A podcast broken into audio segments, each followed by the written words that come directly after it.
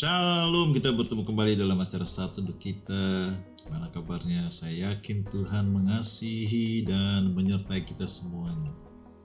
Hari ini kita akan membaca satu ayat dari firman Tuhan, Matius 22. Saya coba mengurutkan ayat-ayat yang kita bacakan untuk satu teduh ini ya sehingga kita bisa pelajari semuanya.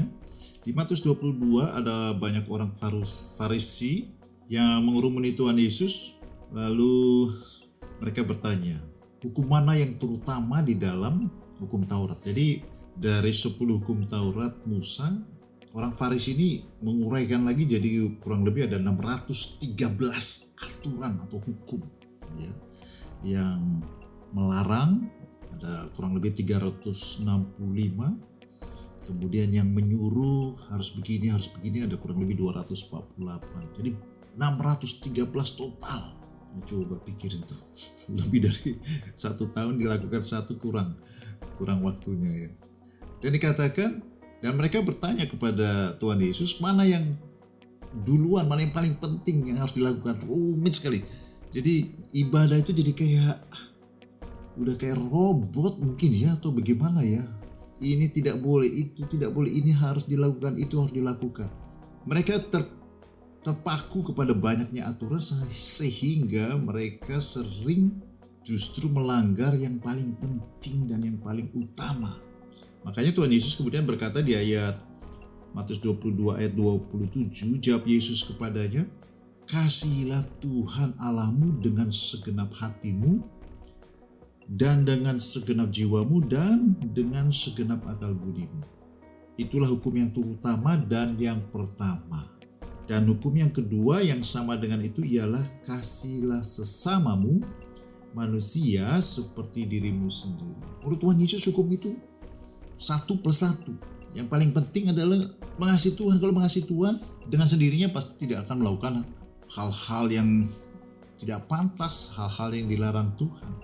Tapi kalau tidak mengasihi Tuhan, bisa saja dia tidak melakukan aturan ini, aturan itu, aturan ini, tapi sebetulnya hatinya tidak melekat kepada Tuhan.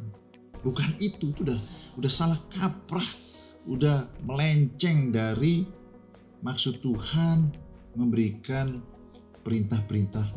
Dan hukum yang kedua adalah mengasihi yang sama pentingnya adalah mengasihi sesama kita seperti mengasihi diri kita sendiri. Kalau seseorang mengasihi sesamanya tidak mungkin dia berniat jahat, dia iri hati, dia pahit hati, dia jengkel, dia dendam, dia mencuri, dia membunuh, ah segala macam aturan-aturan. Sekali lagi kalau kita hanya saya kan tidak berbu, berdusta, saya tidak mencuri, saya tidak membunuh. Tapi sebetulnya di dalam hati dia, dia tidak mengasihi orang itu. Ya percuma. Untuk kisah ini Tuhan Yesus kalau di kitab Lukas itu bercerita tentang ada seseorang yang turun dari Yerusalem menuju Yeriko. Kemudian di tengah jalan dia bertemu dengan para penyamun, dirampok habis-habisan, dipukulin sampai setengah mati dan dia berada di jalan situ tidak ada yang menolong. Lalu datang seorang imam melewati karena tahu ada orang yang mengalami kecelakaan seperti itu dia pergi ke seberang jalan supaya tidak memapasi dan mungkin terpaksa harus menolong. Kemudian setelah itu ada lagi datang orang Lewi melakukan hal yang sama. Mestinya kan kalau seorang imam, seorang Lewi itu kan sebetulnya orang yang dianggap rohaniawan ya mestinya memberi contoh menolong orang itu. Tapi karena orang ini terluka dan tidak mau trepot, tidak mau terganggu, dia sengaja jalannya menyeberang sebelum ketemu sehingga tidak harus melalui orang itu berhadapan dengan orang itu. Lalu yang ketiga ya katakan ada seorang Samaria. Nah kita tahu orang Samaria ini dihina-hina oleh orang, orang Yahudi. Nah, mereka tidak mau karena dianggap orang Samaria ini udah campur-campur lah dengan orang asing, tidak murni lagi. Kita lihat di kisah Tuhan Yesus di Yohanes 4 ketika, ketika mau minum air dari sumur Yakub di sana, ya, wanita Samaria itu mengatakan, kok engkau minta air dari aku orang Samaria? Karena mereka memang dianggap tidak pantas ya tidak layak untuk bergaul dengan orang Yahudi asli. Tapi dikatakan di sini justru seorang imam dan orang Lewi itu nggak mau nolong. Justru orang Samaria ini yang biasanya dihina-hina oleh orang Yahudi, dia mampir, dia tolong, dia rawat, dia bahkan taruh di tempat penginapan, kasih uang kepada yang punya penginapan supaya disembuhkan. Kalau kurang nanti dia akan datang lagi dan seterusnya. Jadi dikatakan di sini Tuhan bertanya mana yang sebetulnya menganggap sesama dari tiga orang ini. Lalu mereka menjawab, ya udah ter terpojok oleh pertanyaan Tuhan Yesus. Orang Samaria ini yang benar-benar memperlakukan uh, sesamanya dengan baik, dengan kasih. Saya belajar di sini ya, kalau seseorang masih resis ya menganggap suku lain, bangsa lain, keturunan lain, background lain itu menganggap mereka itu rendah, tidak layak, tidak mau bergaul, selalu punya pandangan prejudis.